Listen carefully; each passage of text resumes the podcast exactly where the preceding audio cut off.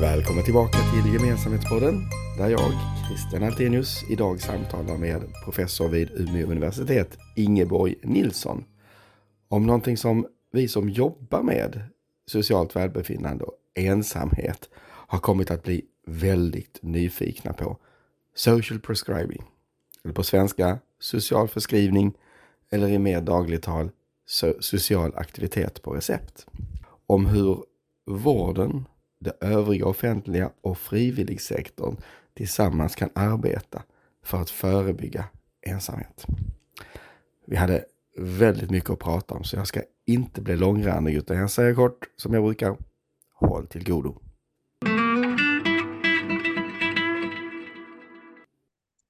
Varmt välkommen till Gemensamhetspodden. Arbetsterapeut och professor vid Umeå universitet, Ingeborg Nilsson. Tackar, tackar. Väldigt spännande. Jag har sett fram emot det här eh, samtalet för vi, du, du jobbar ju med någonting och forskar kring någonting som, som eh, vi som jobbar med eh, ensamhetsförebyggande har talat om väldigt, eh, under väldigt lång tid, nämligen social prescribing eller socialt aktivitet på recept. Och det här det är något som vi känner till från det lyckade sättet att jobba med ensamhet i brittiska staden Frome och som ju vi alla längtat efter att se motsvarigheten till här i Sverige. Då. Jag, är, jag är väldigt nyfiken på att höra hur det här har börjat i eh, Sverige, utvecklas i Sverige. Men lite först, lite kort. Vad är egentligen social prescribing eller social aktivitet på recept och hur föddes den här idén i, i England? Ursprungligen handlar det om att stödja personer med ensamhetsproblematik eh, och hitta sammanhang och, och och gemenskap i, i det lokala närområdet kan man säga. Så det är väl själva grunden. Eh, sen har ju, eh, det, man kan inte säga att det här är en, en och samma modell, utan i England har det här växt organiskt, skulle jag säga, under de här åren. Och, och idag så, eh, så riktas det ju inte alls bara till personer med ensamhet, utan väldigt många olika utsatta grupper. Eh, och modellerna är väldigt olika också, kan man väl säga. Men i grunden så handlar det om att, liksom att, att skapa gemensamt genom att koppla samman olika aktörer med, eh, med allmänheten, eller de som är eller riskerar att bli eh, ja, utsättas för ensamhet helt enkelt. Ja, och själva idén är ju fantastisk. Jag tänker utifrån ett hållbarhetsperspektiv så är ju det här superbra. Det handlar ju om att personer som inte hittar sina sociala sammanhang ska få hjälp att göra det utifrån eh, alla aktiviteter och verksamheter som finns i, i, i det nära området. Så att man liksom på något vis ska känna att det här, det här är en, ett område där jag, eh, som jag tillhör och där jag är inkluderad. Jag tycker den idén är ju fantastisk utifrån ett forskarperspektiv så handlar ju insatser ofta om att man skapar någonting nytt, att man liksom gör några nya, bidrar med nya aktiviteter och så. Men i det här fallet så handlar det om att använda det som redan finns. Jag tycker det är en super, superbra idé. Jag håller med. Eh, men så till den svenska eh, motsvarigheten då, social aktivitet på recept. Det startade ju som ett forskningsprojekt av vid Umeå universitet med dig som projektansvarig. Då. Eh, och jag läser att syftet är att överföra, implementera och testa denna modell i en svensk kontext. Eh, nu är ni mitt uppe i eh, projektet, så berätta, hur gick det till när ni kom igång med det och hur har det gått så far? Mm. Ja, men som sagt, mitt intresse kommer utifrån det här med hur sociala aktiviteter är relaterat till hur man skattar sin hälsa. Eh, och därför så tyckte jag det här initiativet verkade väldigt intressant. Jag hade laddat ner ett gäng forskningsartiklar om det när jag åkte på en forskningsvistelse till Australien, faktiskt redan 2018. Och jag tyckte mm. det här verkade väldigt intressant och jag eh, blev väldigt överraskad när jag liksom försökte hitta motsvarigheten i Sverige eller överhuvudtaget i andra länder. Så insåg jag att den här modellen på den, vid 2018 var inte den särskilt spridd överhuvudtaget utanför England. Samtidigt som intrycket var att den var väldigt vedertagen i England. Och det gjorde ju att jag funderade på hur kan vi överföra det här sättet att tänka till en svensk välfärdskontext. Eh, och det började jag med i ett samarbete med en vårdcentral och en kommun eh, här eh, i norra Sverige.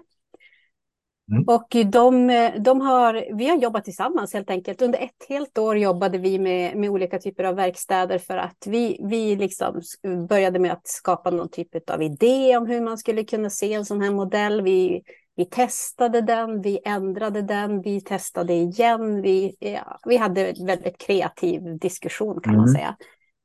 Eh, och eh, efter ungefär ett år så Eh, så var, hade vi en modell som vi tänkte det här kan vi börja prova. Och det var ju samma med det som pandemin kom. Så mm. sen så blev det ju väldigt svårt för den här vårdcentralen att testa det här. Och, ja, eh, samtidigt under den tiden så fick ju vi möjligheten att söka mer forskningsmedel. Så nu har vi ju en, en, eh, en ekonomi som gör att vi har möjligheten att faktiskt gå vidare med de här delarna som handlar om att implementera och testa.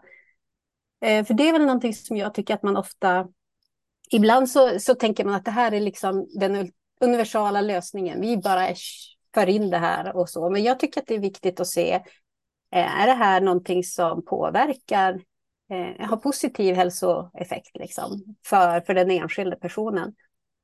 Eh, och är det här någonting som vården också kan, kan liksom administrera och klara av? Och det här är ju ganska utmanande sätt att arbeta i och med att det handlar om ett samarbete mellan eh, ja, men regioner i vårdcentralerna och eh, kommun och frivillig sektor som ju är de som ofta är de som är värdar för aktiviteterna.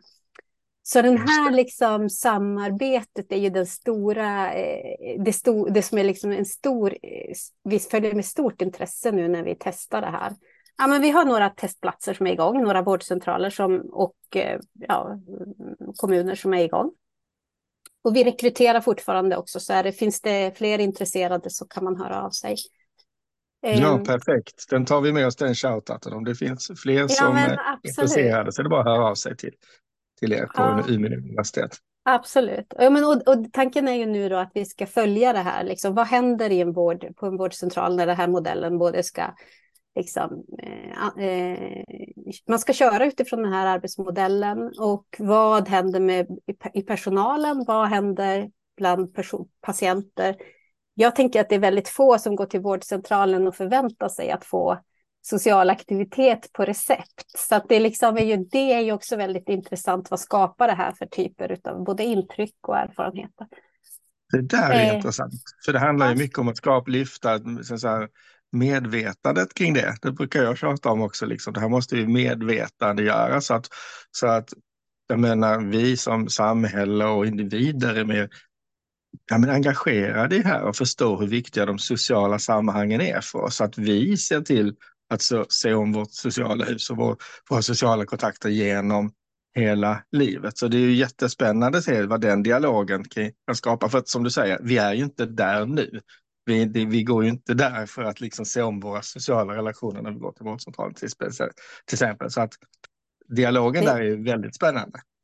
Och jag tänker också att vård, eh, vårdpersonal som vi möter, de, de säger ju att de upplever att det, det, finns en ensamhetsproblematik bland många av de patienter som de möter, men det är inte det man söker hjälp för.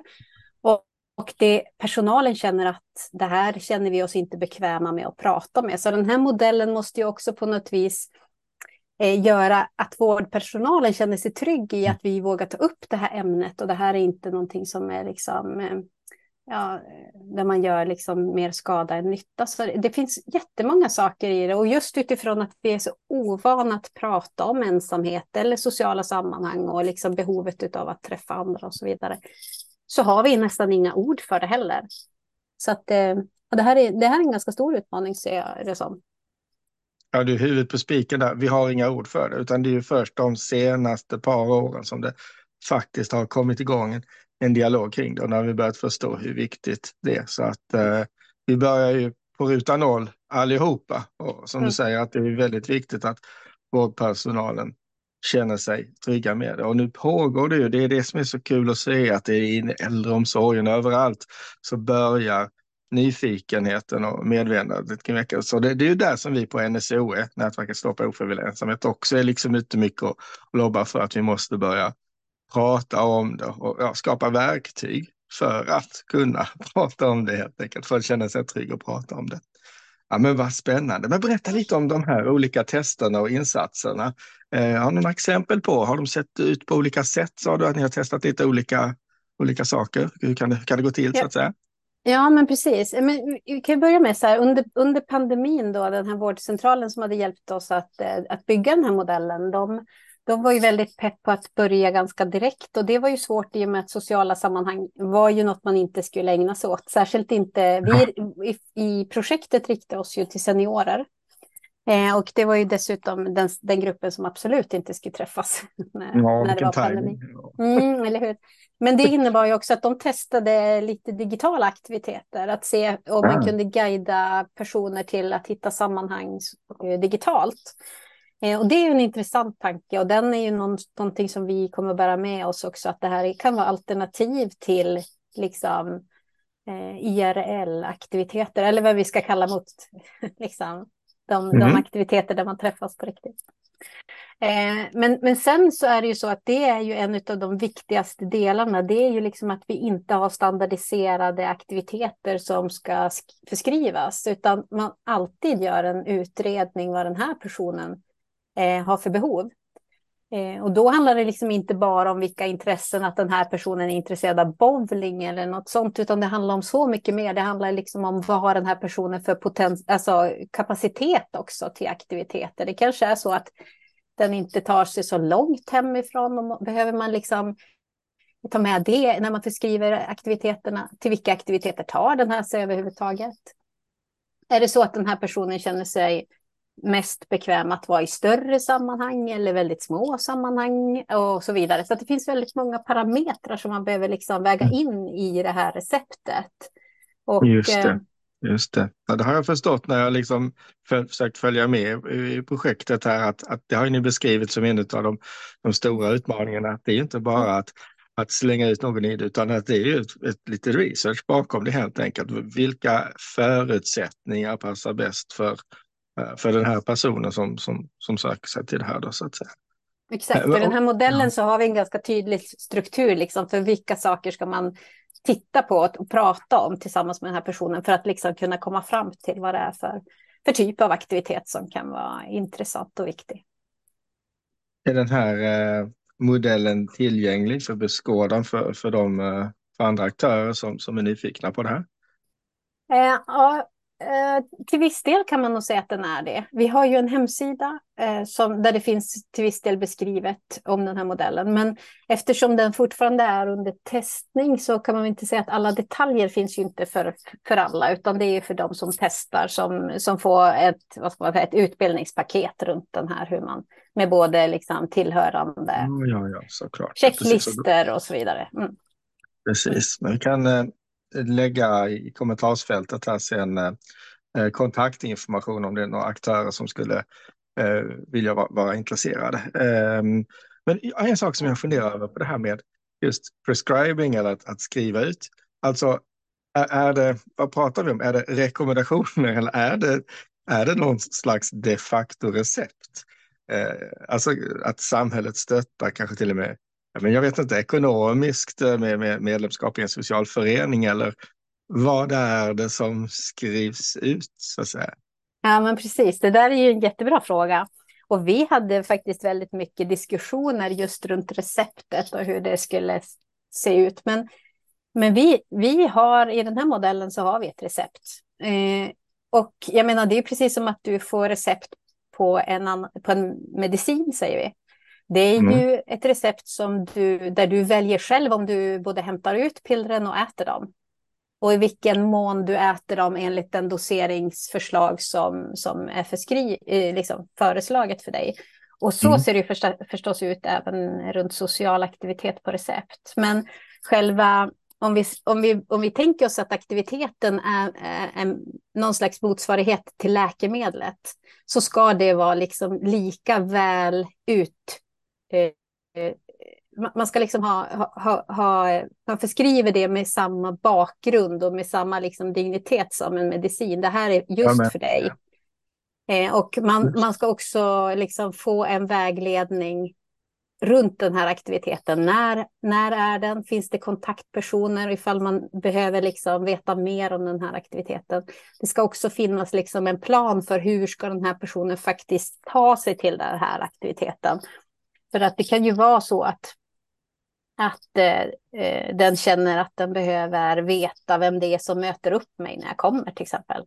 Att ja, nej men det är Christian som, som håller i den här och jag kan fråga efter Christian när jag kommer dit. Och på det viset liksom att man faktiskt får det att hända. För det är liksom det som är själva grejen. Det spelar ingen roll om du har tio recept men du aldrig använder dem så kommer mm. det ju inte bli någon skillnad liksom. Sannolikt. Jag förstår, jag förstår. Det handlar mycket om att sänka tröskeln. Ja. Eh, för att faktiskt eh, komma iväg och kom, kom, komma igång. Eh, men sen, men, men sen är det ju så, jag menar det du sa om, om liksom subventioner och så vidare, det, det är ju ingenting som vi som forskare har möjligheten att liksom bidra med, utan där har vi istället... ja, men exakt, exakt, och där har vi istället gjort så att ekonomi är en del av liksom utredningen. Mm. Och jag tänker att visar det sig att det här är någonting som gör skillnad, då kan det finnas anledning att lägga in sådana typer av liksom, mm. förslag. Eh, men jag tänker att ekonomi, det styr jättemycket vad vi gör, så det behöver man ta i beaktande. Det är inte liksom så att ifall man liksom älskar att äta på jättefina restauranger tillsammans med personer så, så kanske man inte har råd till de där exklusiva restaurangerna. Så jag menar, det är klart att ekonomi påverkar vad vi gör. Mm, det är mm. superviktigt att ta, ta hänsyn till. Jag tänkte vi skulle stanna lite kring det här med just våra sociala eh, sammanhang som den här eh, podden kretsar kring. Att, eh, egentligen så råder ju inte någon, någon brist alls på sociala sammanhang eller mötesplatser. För jag, jag, jag fascineras och förfasas ibland nästan lite av hur, hur ja, men speciellt kommuner försöker skapa fler mötesplatser eller att man får signaler om att Åh, vi behöver skapa fler mötesplatser och, och där vi kan mötas kring. Men jag känner att problemet är ju egentligen inte mötesplatserna i sig, utan det är att vi ett, har svårt att hitta till dem och, och två, att vi inte riktigt vet hur vi, hur vi ska använda dem. Så det, det här har jag klurat lite på. Så det kan också vara intressant liksom, att se hur, det beror naturligtvis på väldigt mycket var, vilken fas i livet man, man befinner sig.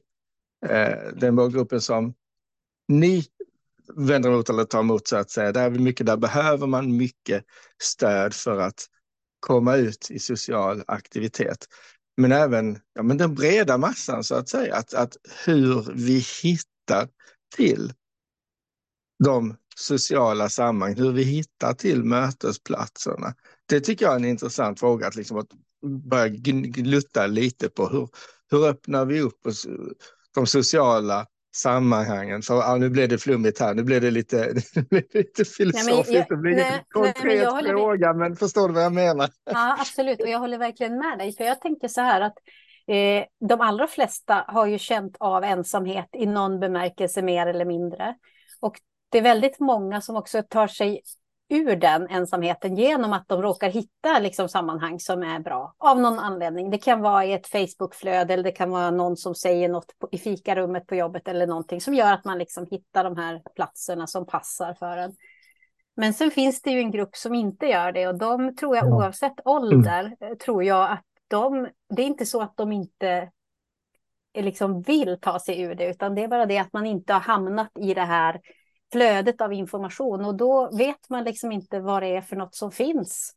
Eh, och det här tycker jag också är, är, faktiskt en uppmaning till alla verksamheter som arrangerar aktiviteter och ett ansvar som man har också. Hur annonserar man faktiskt om de saker man arrangerar? Vilken grupp når man med sin annonsering och hur liksom öppen är man med att det här finns och, och vad är det för något som sker vid det här, låt oss säga att det är en, en samling eh, som man kallar det för någonting, måndagsträffen. V vad är det? Liksom? Mm. Ska jag gå till måndagsträffen? Ska du gå till måndagsträffen? Alltså man vet inte, för man vet inte riktigt vad det är, vad man kan förvänta sig. Det, jag tror att det här är någonting som vi behöver också tänka på, att det liksom vi har gjort intervjuer med eller företrädare för frivilligsektorn och de pratar just om det där att de tycker att det är ofta samma gäng som kommer till sina aktiviteter. Det är inget fel på det, det gänget. Men man skulle gärna vilja att det var ett större, en större liksom, vad ska man säga, variation som också kunde dyka upp på de här aktiviteterna. Det tror jag mm. är, är liksom en idé som vi behöver ta med oss. Liksom. Vad är det för något som gör, vart, vart når vi med vårt budskap om aktiviteter som pågår? Eh, och jag kan ju säga runt det här projektet så har det ju blivit en sån diskussion att man säger så här, ja men Eh, ofta har vi liksom vårdcentraler och någon företrädare för kommunen som, som tillsammans bestämmer sig för att vi är med som en testplats.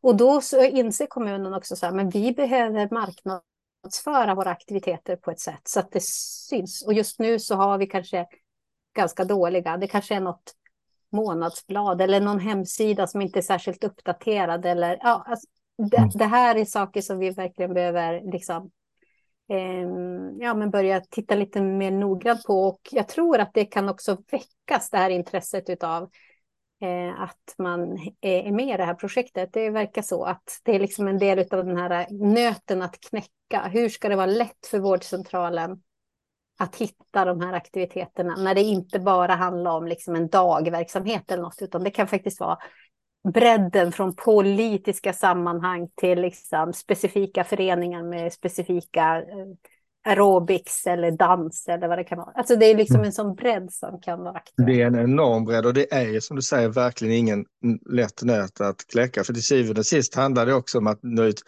till en mångfald av individer som, som alla ska känna att jo men jag passar in, eller känna in vilket socialt sammanhang jag passar in i och få en känsla av, är jag välkommen här?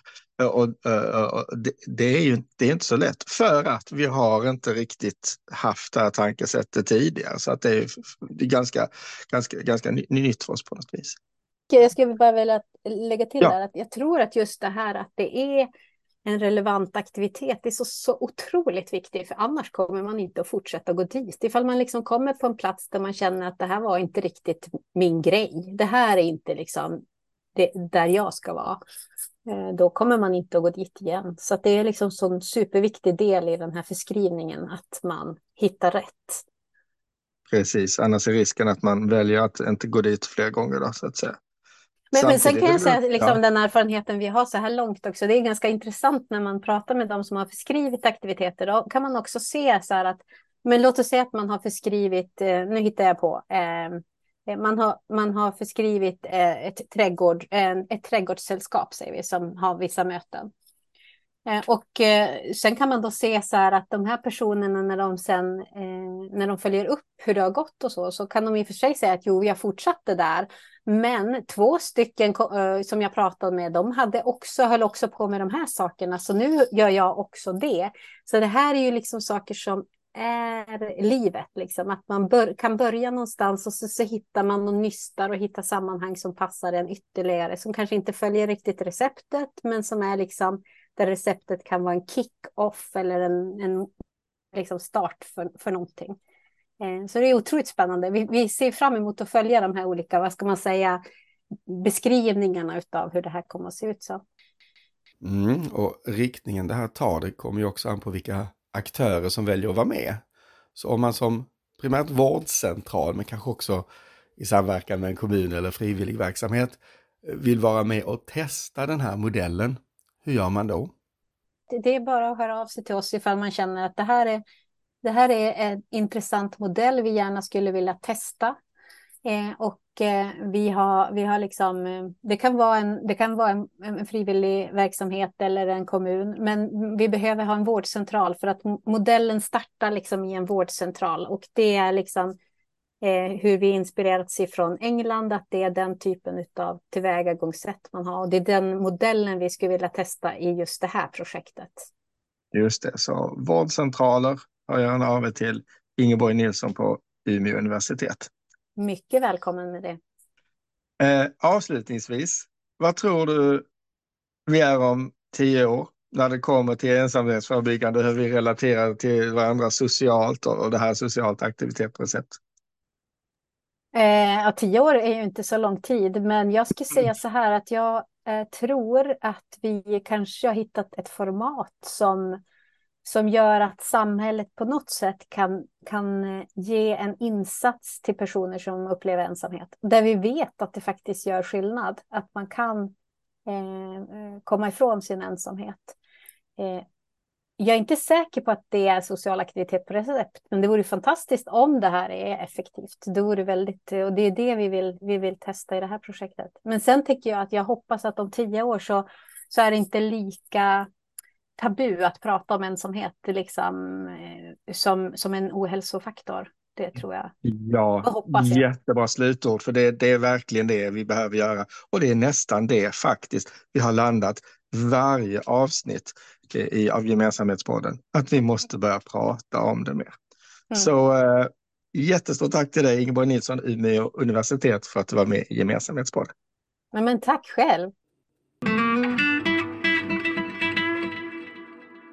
Ett långt och fylligt avsnitt blev det där och jag vill än en gång flagga upp Ingeborgs uppmaning till alla vårdcentraler där ute. Hör av er om ni vill vara med och testa den här modellen. Eh, kontaktuppgifter till Ingeborg finner du på NSOS webbsida samt i vår Facebookgrupp där vi har en livlig diskussion om ensamhetsförebyggande. Så om du inte redan är med i den, gå med. Sök på nätverket Stoppa ofrivillig ensamhet på Facebook. Med det tackar jag Christian Altenius för mig. Så hörs vi snart igen med ett nytt spännande avsnitt av Gemensamhetspodden. Podden om socialt välbefinnande och hälsa.